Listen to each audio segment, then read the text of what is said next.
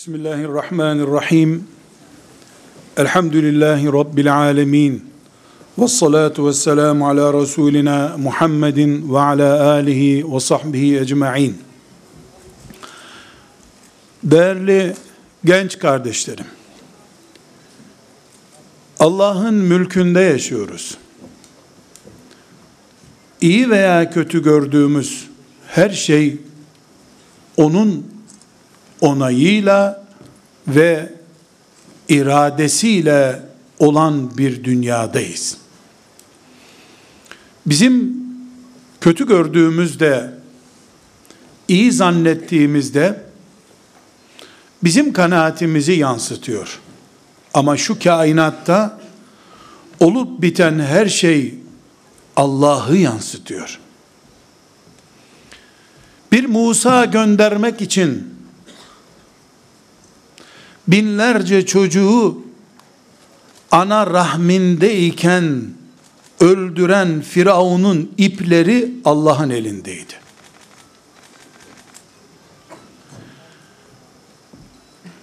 Peygamber yakma cüretindeki Nemrud'un ipi de Allah'ın elindeydi.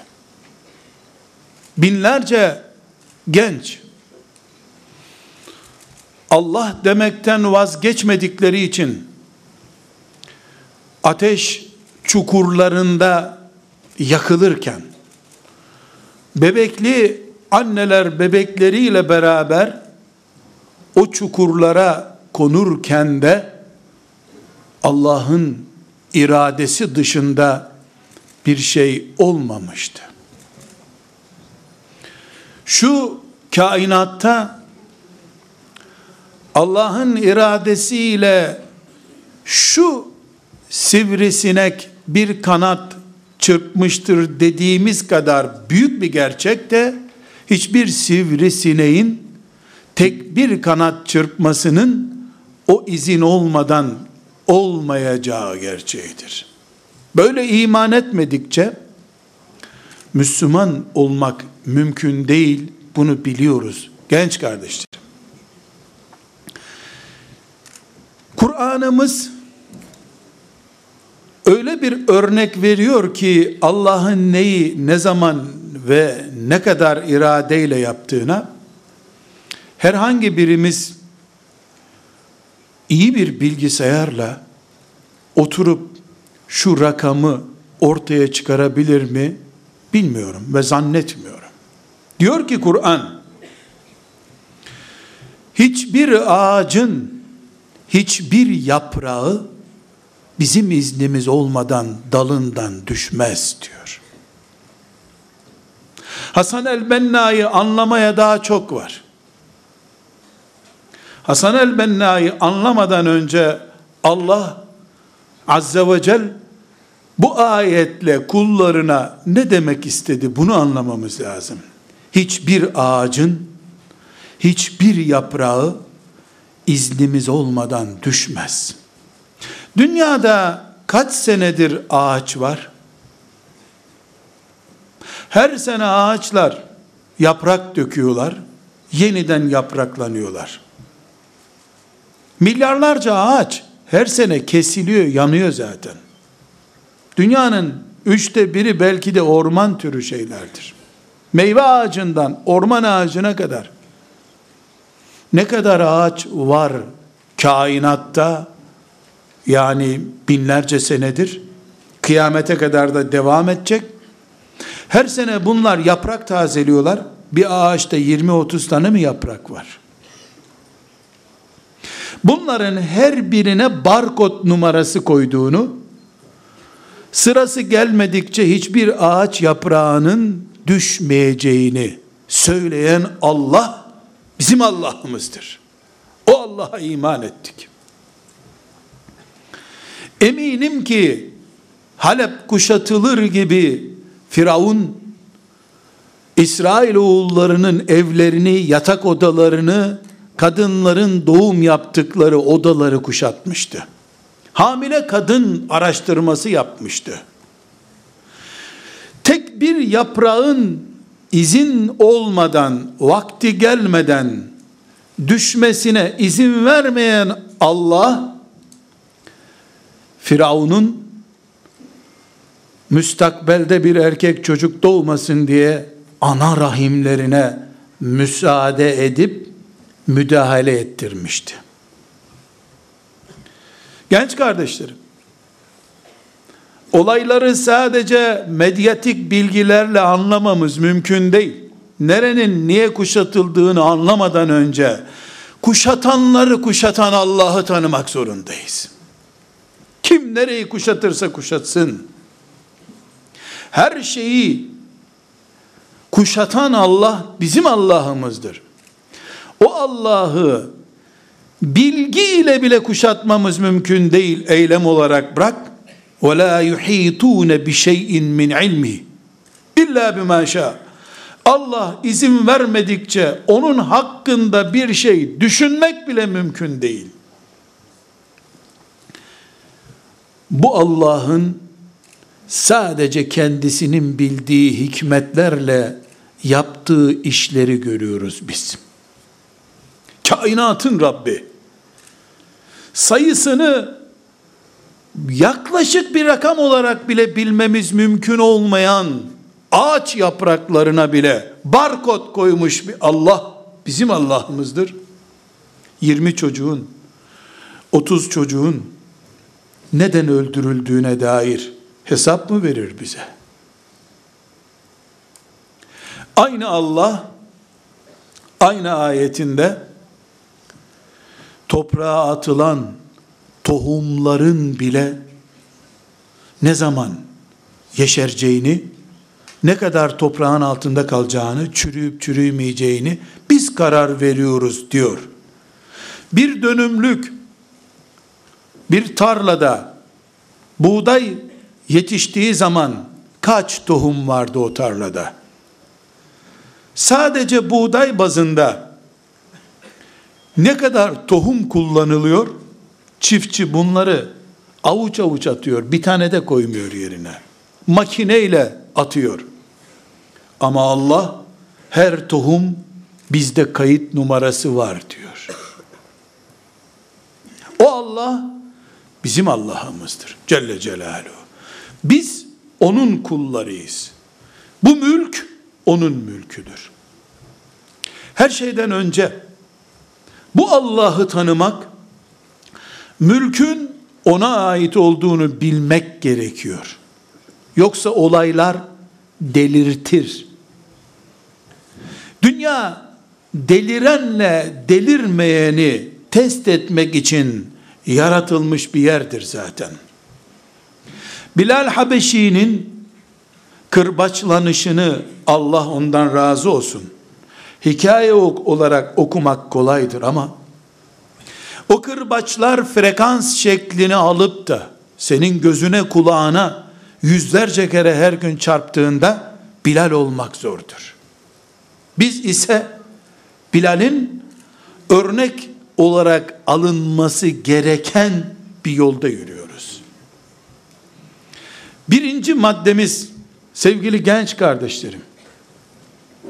Birinci maddemiz Allah'ı tanımak. Sadece Allahu Teala'nın isimlerini bilmek, imanın şartlarını bilmek değildir. Bu Allah'ı tanımak Allah'ı tanımaktır. Yoksa camiden çıkarken bile artık Müslümanların bir devlet kurması mümkün değil diyen imanı şüpheli biri olursun. Cahiliye ruhuna dönersin. Uhud perişanlığı ya da acısı üzerine bir daha İslam toparlanır mı diyenlere Allah cahiliye kafasıyla düşünüyorlar Allah'ı buyurduğu gibi olur. Bu salonda ben büyük bölümü genç kardeşlerimi bir hocayı Hasan el-Benna'yı anlatırken dinlemek için geldiler diye görmüyorum. Buradaki bu salondaki kardeşlerimde bir temenni ve bir hasret görüyorum. Şehit olduğuna milyonlarca müminin karar verdiği, ümmetin mezarlığa dönmüş topraklarında diri diri dolaşan, ashabtaki heyecanı bize kavuşturmaya çalışan Hasan ben el Benna şimdi neredeyse onunla buluşma hasretini Allah'a sunmak için burada bulunmuş genç kardeşlerim olarak sizi görüyorum. Ben de bu hasretimle bu temenniye aminler diyorum. Ama kardeşlerim basit temennilerle sloganlarla bu davada yol alınmıyor. İlk basamağımız azim olan, celil olan, kahhar olan, ekber olan Allah'a imanımızı o çapa getirmek gerekiyor. Biz Allah'ın davasını cılızlaşmış beyinlerimizle, büzülmüş kafalarımızla, körelmiş gözlerimizle, müzik gürültüsü gibi söz dinleyen kulaklarımızla Allah'ın davasını anlayamayız.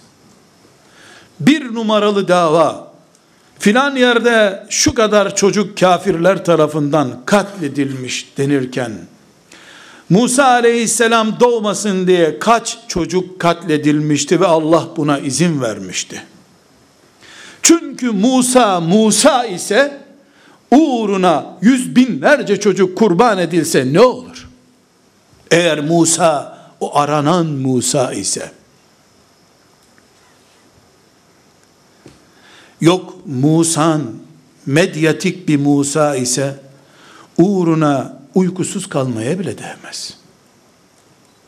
Herkesin beklediği Musa'sı Musa gönderen Allah'a imanı ayakta durma gücünü ve kapasitesini gösterecek değerli kardeşlerim. Birinci gerçeğimiz bu. Allah'ın mülkündeyiz. Allah'ın kullarıyız. Allah'ın kanunları işliyor ve her şeyde bir hikmet var. Herhangi birimiz bir ağaç yaprağı kadar basit değiliz. Dünyanın bütün ağaçları bir Müslüman etmez bu kainatta. Buna rağmen ağaç yapraklarına barkod koyan Allah, şu saatte düşecek dediği için o saatten bir saniye önce ağaç yaprağı düşemez de Allah'ın kulları, mümin kulları kafirlerin önünde düşer yıkılır mı hiç? Hikmet yumağını bizim gözümüzle değil Allah'ın nazarıyla anlamaya çalışmak zorundayız. İkinci önemli noktamız bir imamı, bir şehidi anlayabilmek için güzel kardeşlerim. Allah'ın projesinde, şu dünya projesinde, İslam projesinde, Peygamber sallallahu aleyhi ve sellemin gönderilmesiyle, Uhud dağının yaratılması, sonra Mekke'nin yaratılması, İbrahim Aleyhisselam'ın binlerce sene öncesinden gelip torunu Muhammed Aleyhisselam'a yer hazırlaması, Hacer anamızın orada akıttığı gözyaşlar, İsmail'in kurbanlığa götürülmesi, bütün bunları biz tarihten okurken anlamlandırabiliyoruz. İsmail kurbana götürülürken aleyhisselam kimse bir anlam verememişti. Sonra anlamı ortaya çıktı gerek Medine'de İslam devletinin kurulması ve gerekse Sümeyye'nin Mekke'de şehit olması. Bunların hangisi Allah'ın yeryüzündeki maksadının gerçekleşmesi için gerekliydi? Bunu sadece Allah bilir. Mümin Allah'ın işine karışan insan değildir. Allah'ın işine işçi olan insandır mümin. Bu işçiliğini de ücretine avans bile kabul etmeden cennetten önce ücret almamak üzere ahdedip çalışan işçidir. Planlarımız, projelerimiz bizim sonuçlarını görmemiz için yaptığımız işler olursa boş iş yaparız. Planlarımız, projelerimiz, çalışmalarımız Allah'ın görmesi için ümmeti Muhammed'in geleceğine zemin oluşturması için yaptığımız zaman musaplık işlerdir. Sümeyyelik işlerdir. Muazlık işlerdir. Eneslik işlerdir. İsmail olmak öyle bir şeydir. Bu sebeple aziz kardeşlerim, genç kardeşlerim, Hasan el-Benna'ya imrenen gençler, Allah sizden razı olsun. Sizi Hasan el-Benna'dan daha yüksek noktalara getirsin.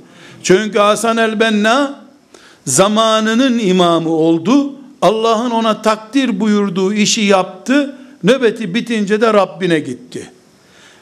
Şu dünyada onun fotoğraftan başka bir hatırası kalmayacak kadar teknolojinin olmadığı bir zamanda yaşadı. Siz bilgisayar çağının imamları olacaksınız Allah'ın izniyle. Siz de benna olacaksınız. Seyyid Kutup onun talebelerinden biri diyor ki şu el benna soyadı bu Hasan'a kadar kimseye yakışmadı bu dünyada. Benna ne demek? Her şeyi çok iyi yapan adam demek. Binacı adam demek. Hasan el benna binalar yapan Hasan demek. Bu soyad ona yakıştı diyor. Siz inşallah uzay çağının bennaları olacaksınız Allah'ın izniyle. Dolayısıyla bu sırları yakalamak zorundasınız. Allah'ın işindesiniz. Ücretiniz cennettir. Avansa bile razı olmayacaksınız. Teşekkür beklemeyeceksiniz. Ümmeti Muhammed'in iki asır sonrasına çalıştığınızı kabul edeceksiniz. Sizin meyvenizi bu ümmetin topraklarında kim yerse yesin, siz meyvenizi yetiştirin. Siz meyve olun Allah'ın izniyle diye düşüneceksiniz. Yoksa bizim değerli kardeşlerim, genç kardeşlerim, Hasan el-Benna'yı anmamızın da bir manası yok. Peygamber aleyhisselam adına çıkıp burada naat okusak da onun bir anlamı yok sünnetine uymadıktan sonra. Kuru ağıt yakamayız biz. Bir yerin kurtuluş yıl dönümünü kutlamıyoruz. Ümmeti Muhammed'in bağrından çıkmış bir mücahit şehit imamı konuşuyoruz. Onun kara kaşına da hayran değiliz. Ümmetimize yazdığı hamleye, projelere hayranız. Ona dua ediyoruz. Bu sebeple biz ümmetimizin önderlerinden bir önderi konuşurken Allah'ın onu ne zaman çıkardığını ve bu çıkarışın hakkını verip vermediğini bakarız. Hasan el-Benna hala niye affedilmeyen bir adamdır biliyor musunuz kardeşlerim? Dünyada en büyük komünist eylemleri yapanlar bile artık bırakıldı gidildi. Yani adları unutuldu. Hasan el-Benna'nın hala mezarı yok Mısır'da. Ziyaret edilecek mezarı bile yok. Niye biliyor musunuz? Çünkü İngilizler becerdik, hilafeti kaldırdık, halifesiz Müslümanlar bir daha ayağa kalkamaz diye plan yapmışlardı. İngilizler Allah'ın Mısır'da hoca olmayan, alim olmayan, hadisçi, tefsirci, bir şeyhin müridi, bir kimse olmayan 20 yaşını geçmemiş bir delikanlıya hilafet manasında yeniden dünya çapında bir örgüt kurduracağını Allah'ın hesap edememişlerdi. Onun için İngilizler bitirdik dedikleri İslam'ın siyasetini ve dünya görüşünü yeniden canlandıran bu adamı affedeni affetmeyecekleri için bunun adıyla adım atan yargılanmak, üç kere beş kere idam edilmekten başka bir baht bulamaz bu dünyada. Allah'ın katında da ne bulacağını hepimiz tanıyor ve umuyoruz. Bu sebeple kardeşlerim, Hasan el-Benna rahmetullahi aleyhi anarken, biz onun neden meşhur olduğunu incelemek zorundayız. Onun meşhurluğu ilminden gelmiyor. Çok dikkat ediniz alim biri değildir. Edebiyat öğretmenidir. Öğretmenlikte de hiçbir tecrübesi yok. 18 yaşında okuldan çıkmış. Öğretmenliğini okullarda değil, çöllerde, kahvehanelerde, ümmeti Muhammed'in dolaştığı her yerde yapmış. Bugün biz geçmişimizdeki örnek bir insanı konuşurken bu insanın elbette kara kaşına, memleketine vesairesine hayran değiliz. Fotoğraflarını inceleyip gözyaşı akıtmıyoruz. Ya ne yapıyoruz? Eylemlerini satır satır inceliyoruz. Minnet hissediyoruz. Rahmet okuyoruz.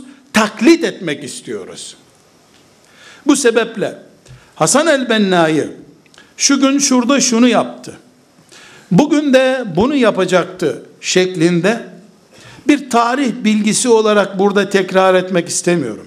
Ama bugün bu salondaki mümin kardeşlerim olarak hatta topraklarımızdaki bütün müminler olarak hepimizin çıkaracağı dersler açısından Hasan el-Benna'yı tahlil etmek istiyorum.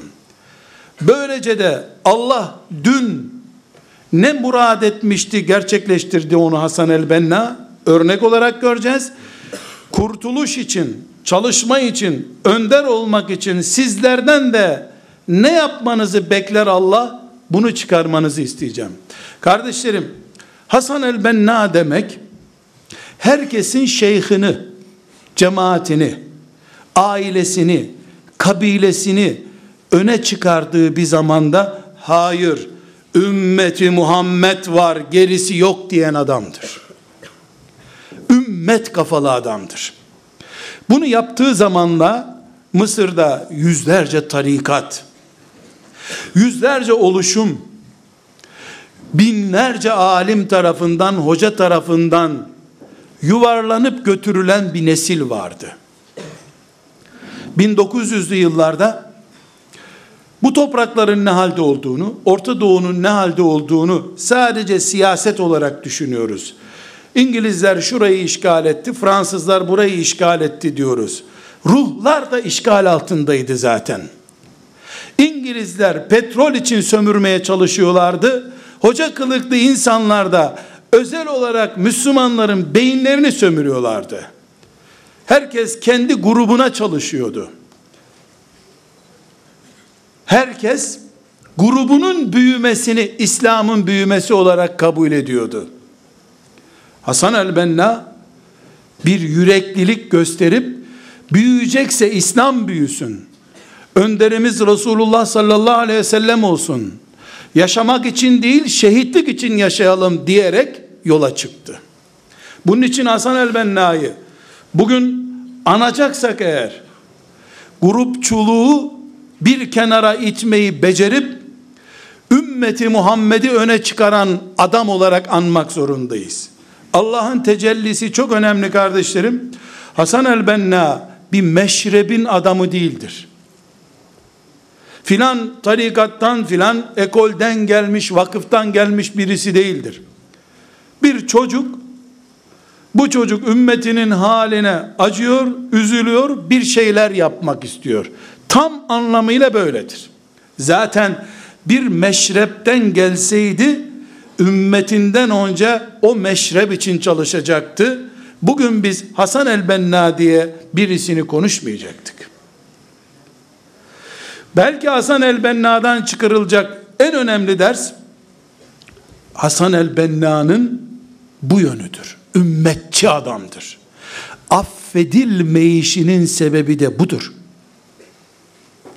Cezayir'de Bin Badis örnek alim olarak bilinir. Çünkü Cezayirliliği öne çıkarmıştır. Ümmet adına üç kelimesi yoktur. Muhammed Abdu aynı dönemin 3 sene 5 sene önceki adamıdır.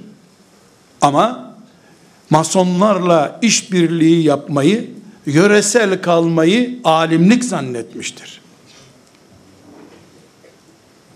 Ümmetin bağrından çıkıp ümmetin düşmanlarıyla oturmamak Hasan el-Benna işidir. Allah ona rahmet eylesin. Hepsini de mağfiret buyursun. Mümin kardeşlerimiz ve mümin geçmişlerimiz oldukları için.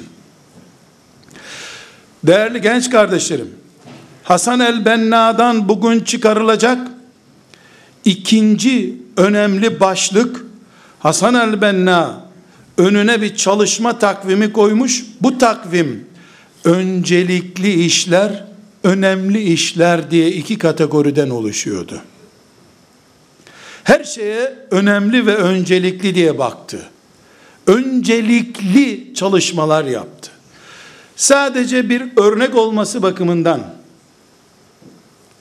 çok hassas bir hatırayı size nakletmek isterim. Bir gün ezan okunduktan sonra bir camiye gidiyor. Henüz 25 yaşında bir çocuk bu. Genç. O camide belki de Ezer meşayihinden insanlar var. Ezan okunduktan sonra caminin içinde cedelleşen bir grup Müslüman görüyor. Tartışıyorlar.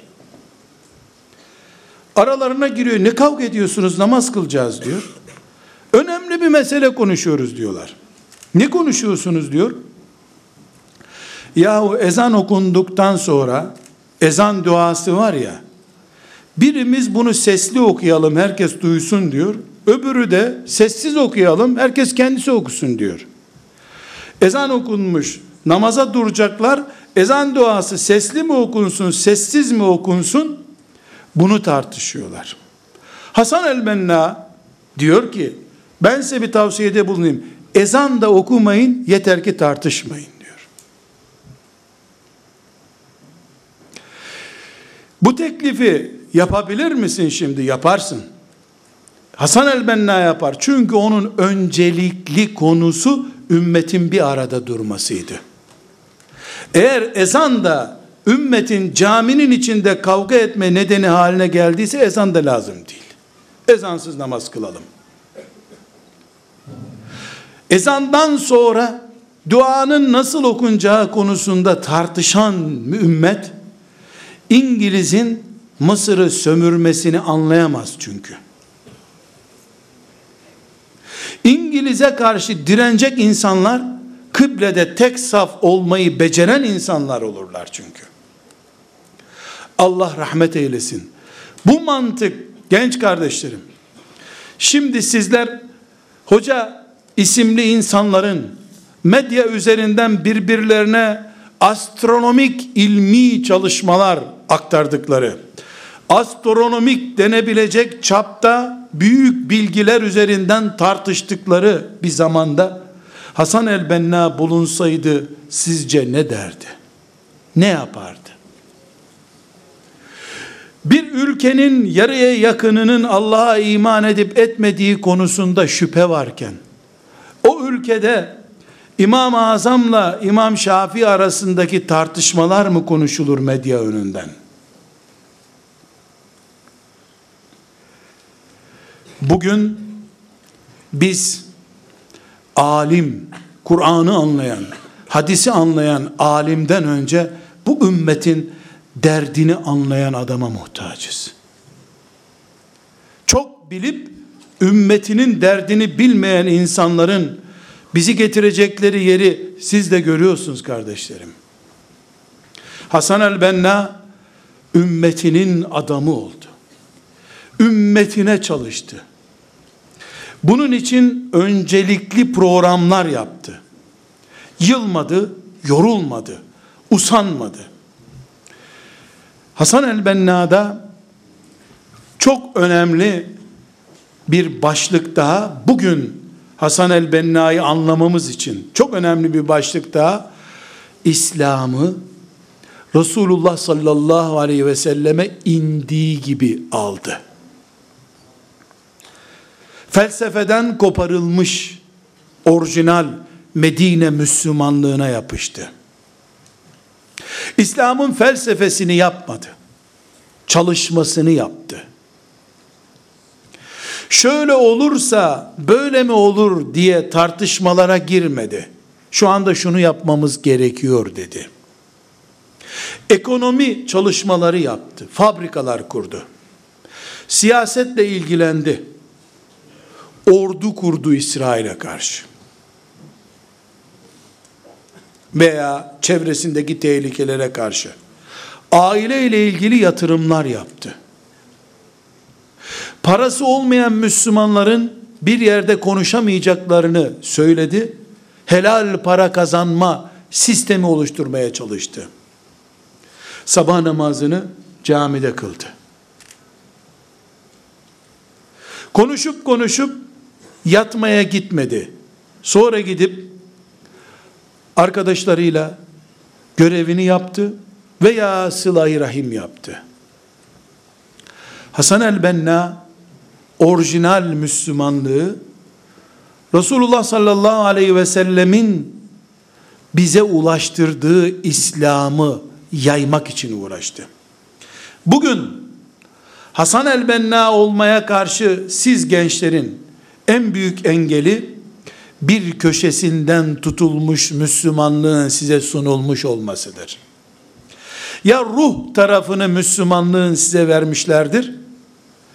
İslam'ın dünyaya bakan penceresini hiç görmemişsinizdir siz.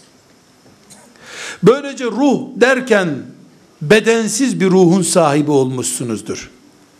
Ya da size diploma putperestliği getirmişlerdir. İş putperestliği getirmişlerdir. Siz onunla uğraşırken ruhsuz bir Müslüman olmuşsunuzdur. Hasan el-Benna'nın yenilediği şey esasen budur. Olduğu gibi, indirildiği gibi Müslümanlık yaşamak istemiştir. Bunun mücadelesini yapmıştır. Allah ondan razı olsun. Allah ona rahmet etsin. Bugün genç kardeşlerim, başta dedik ya, bizim oturup Hasan el-Benna'nın ağıtını yakmamızın bir kurtarıcı yolu yoktur. Her kim yüz kere Hasan el-Benna derse cennete girecek diye bir vaat de yapılamaz. Zikir çeşidi değildir Hasan el-Benna. Gördüğünüz gibi ceket filan giydiği için de cübbesinin altından nesilleri cennete geçireceğini de zannetmiyorum. Ceketliydi çünkü. Hani cübbe filan giyse sırattan böyle cübbesinin altından hepimiz geçerdik. Onu da yapma imkanı yok. Hasan el-Benna kurtarıcı vaatleri olan biri değildir. İş teklifi yapan, çalışmayı örneklendiren bir Müslümandır. Siz bugün Hasan el-Benna'ya imreniyorsanız, Hasan el-Benna'yı görmek istiyorsanız gençler, Resulullah sallallahu aleyhi ve selleme indirilen İslam'ı olduğu gibi almak zorundasınız. Allah'ın Kur'an'ından önemli önemsiz ayrımı yapmadan yaşamak zorundasınız. La ilahe illallah Muhammedur Resulullah diyen herkesi kardeşiniz bilmek zorundasınız. Hasan el-Benna'nın iyi bir tarikatçı olduğunu da söylemek zorundayım. İyi bir tarikatçı. Zikir meclisleri var. Tasavvuf dediğimiz iş Hasan el-Benna'nın işi. Ama selefilik ruhu yani ashab-ı kiram kafalılık da Hasan el-Benna'nın işi. Tasavvuf ehlinden olması, bir tarikata, halveti tarikatına mensup olması, mesela onun filan zatla ilgilenip ilgilenmemesi, filan konusunu İslam'ın ihmal etmesini oluşturmamış. Oradaki gıdasını almış, öbür taraftaki gıdasını da almış. Dar kapasiteli Müslüman değil. Sahabe kafalı bir Müslüman. Ashab-ı kiramdan 1300 sene sonra gelmiş. 1300 sene sonra ashab-ı kiramı örneklendirmeye çalışmış. Bugün biz Hasan el-Benna'nın kör taklitçileri olamayız. Bugün biz Hasan el-Benna posterleri asarak Allah'ı razı edemeyiz. Etki alanımız ne kadarsa bu topraklarda, genç de olsak, ki bu salonda Hasan el-Benna'nın İhvan-ı Müslimini kurduğu zamandaki yaşında kimse görmüyorum. Herkes daha fazla çünkü. Herkes 20 yaşının üstünde burada.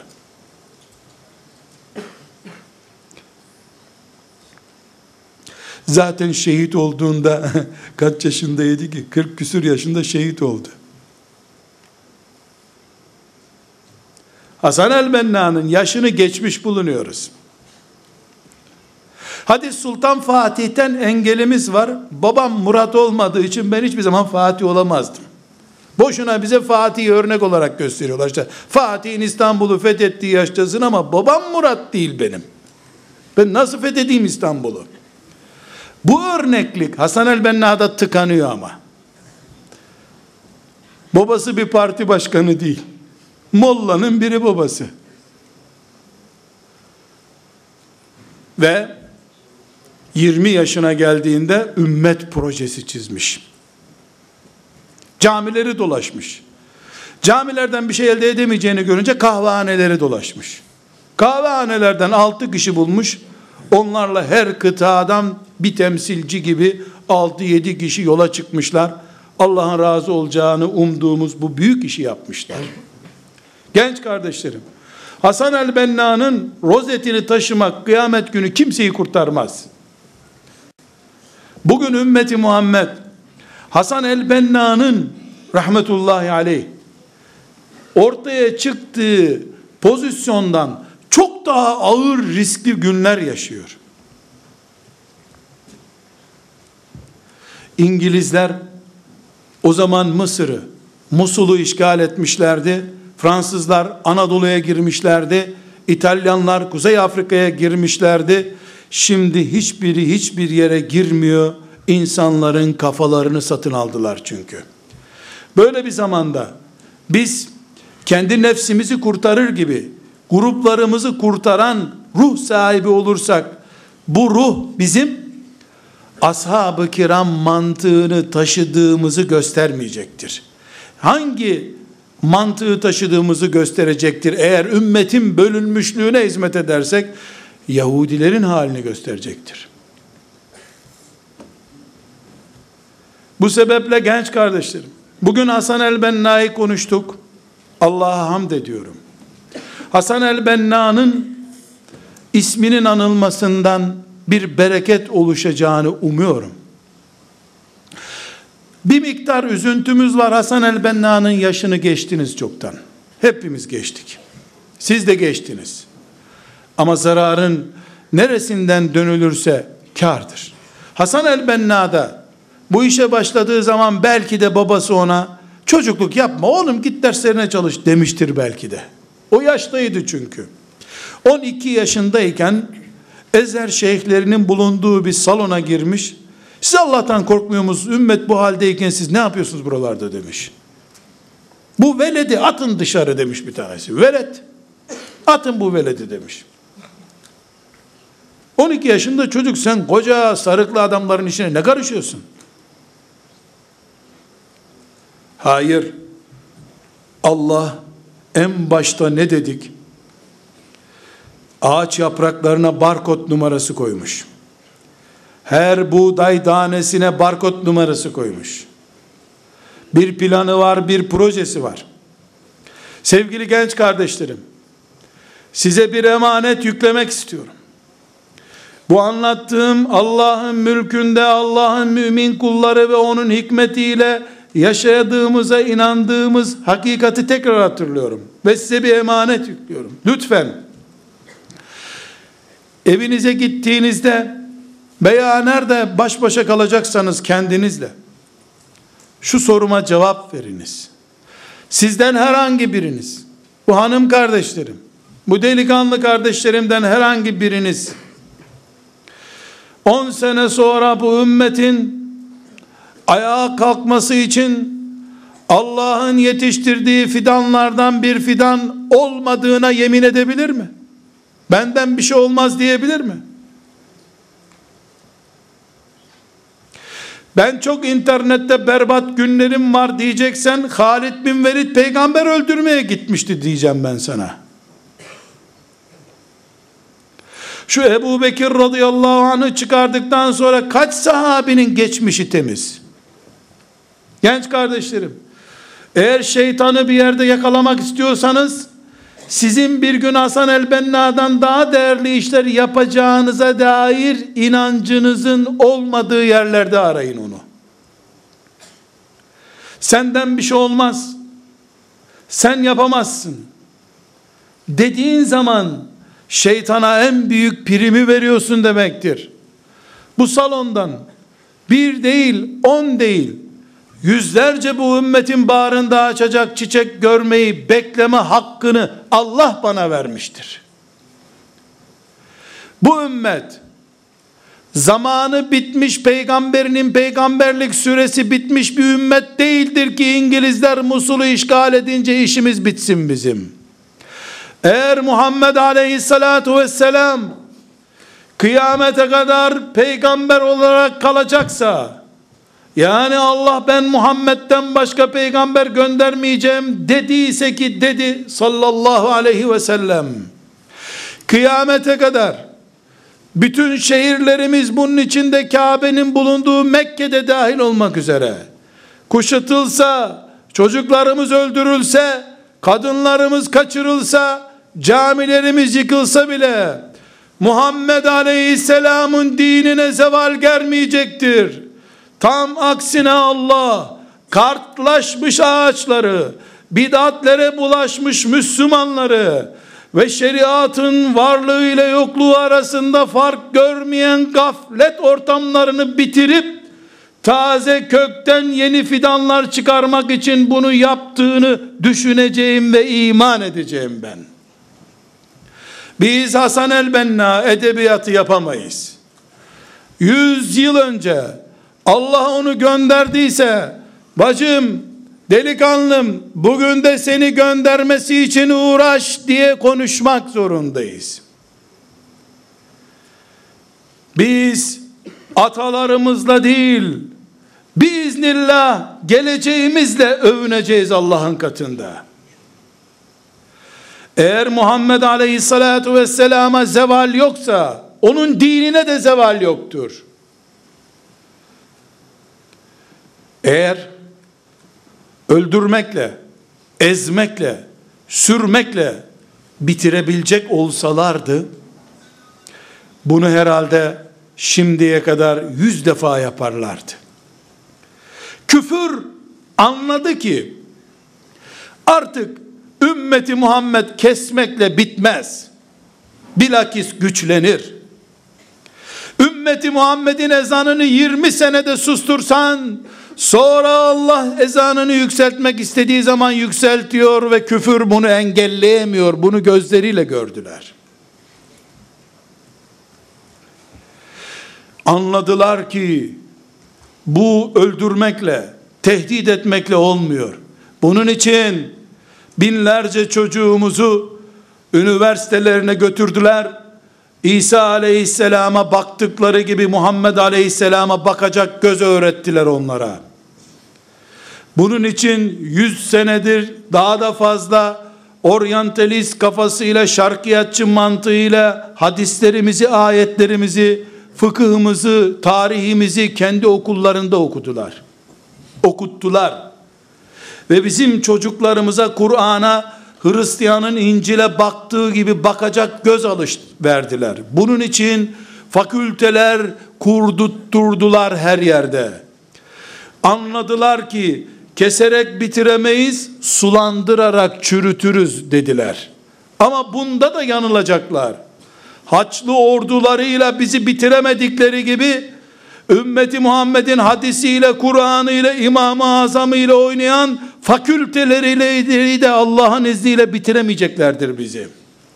Tam aksine, tam aksine, nasıl mal elden gidiyor diye sabaha kadar uykusuz kalıyorsa mal sahipleri, Nasıl kurtlar, ayılar tarlaya gelmesin diye çiftçiler nöbet tutuyorsa, şimdi de ümmeti Muhammed'in imanı ve Kur'an'ı, Peygamber aleyhisselamın hadisi şerifleri tehlikeye girdiği için, İmam Buhari herhangi bir gazeteci yazar gibi tenkit edilmeye başlandığı için, ümmeti Muhammed'in yeni nesilleri bunu protesto etmek ve karşı direnç göstermek bahasına 100 sene önce bu topraklarda yapılmayan şeyi yapıp Bukhari'yi de Müslim'i de ezberleyerek Resulullah sallallahu aleyhi ve sellemin hatırasını kıyamete kadar canlı taşımaya başlamışlardır. Biz Hasan el-Benna hatırasını film izleyerek, nostaljik sözler söyleyerek, tatlı tatlı hatıraları anlatarak geçiştiremeyiz kardeşlerim. Dün Hasan el-Benna lazımdı. Bugün bu topraklarda ben lazımım diyen gençler olmak zorundayız. Ben bu salonu okuyorum. Bu salonu görüyorum. Bütün yüreğimin doluluğuyla Allah'a dua ediyorum. Bu salonumuzdan da ya Rabbi ümmetini birleştirecek gençler lütfet bize. Amin. Bu gençlere de hizmet etmeyi başta ben olmak üzere büyüklerimize, yaşlılarımıza nasip et ya Rabbi diyorum. Amin. Siz varsınız gençler. Ümmeti Muhammed adına siz varsınız. Çilesiz değil şüphesiz. Hasan el-Benna da az çile çekmedi. Bir yığın kurşun darbesiyle yarasıyla hastaneye kaldırıldı. Doktorların bulunduğu oda kilitlendi. Kan kaybından orada ölmesine sebep oldular. Hasan el-Benna'yı bitirdik zannettiler.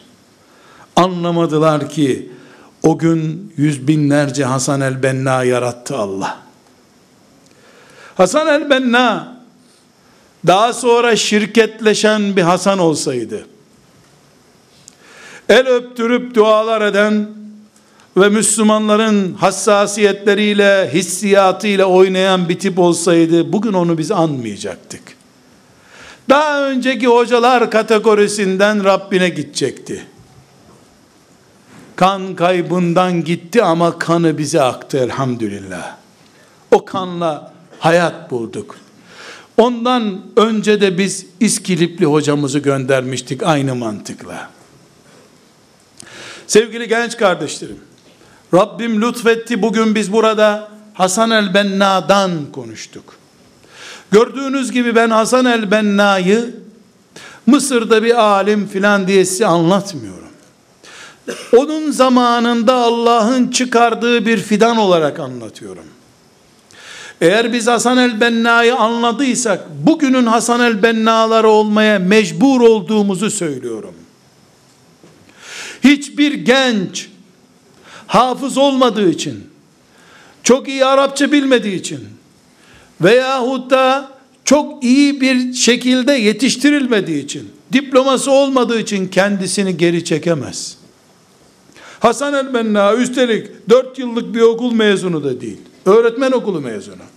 Hafız da değil. Ama Kur'an'ım deyince peşinden milyonlarca insan sürükledi. Evet. Kur'an ezber biliyordu. Mısır'da herkes 10-15 cüz Kur'an biliyor zaten. Mısır'da kapıcılar bile hatimlere giderler. Hasan el-Benna o bahsedilen sesi güzel Mısırlı hafızlardan değil. Kur'an'ın muhafızlarından. Kur'an'ın devleti için çırpınanlardan.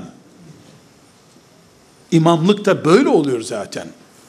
Bu salon ve bu ümmetin toprakları Allah'ın izniyle nice imamlar, nice mücedditler getirecektir. Eğer etrafımızdaki gürültüler, etrafımızdaki baskılar çoğaldıysa benim umudum çoğalmıştır. Endişem artmamıştır. Çünkü ben babamın kurduğu bir çiftlikte yaşamıyorum. Allah'ın mülkünde yaşıyorum. Ben Osman Gazi'nin 1200'lerde kurduğu bir devlette değilim. Allah'ın mülkündeyim. Bu mülkte söz sahibi Allah'tır Celle Celaluhu. Biz de Allah'ın kullarıyız. Diliyoruz ki Rabbimizden bize rahmetiyle muamele buyursun. İçimizden Hasan el Bennalar yetiştirsin. Olanların kıymetini bileceğimiz ruh haliyle yaşamayı ve çalışmayı bize nasip etsin. Genç kardeşlerim, Hasan el Benna bugün bizlere bir fırkanın, grubun başı gibi anlatılır. Halbuki Hasan el Benna grupçuluk düşmanı bir insandı. Bütün müminleri kardeş edinmişti. Bugün dünya kamuoyuna lanse edilen ve belli grupların özellikle algı oluşturmak için yaydıkları dedikodular Hasan el-Benna için geçerli değildir. Hasan el-Benna'dan sonra gelenler için de geçerli değildir.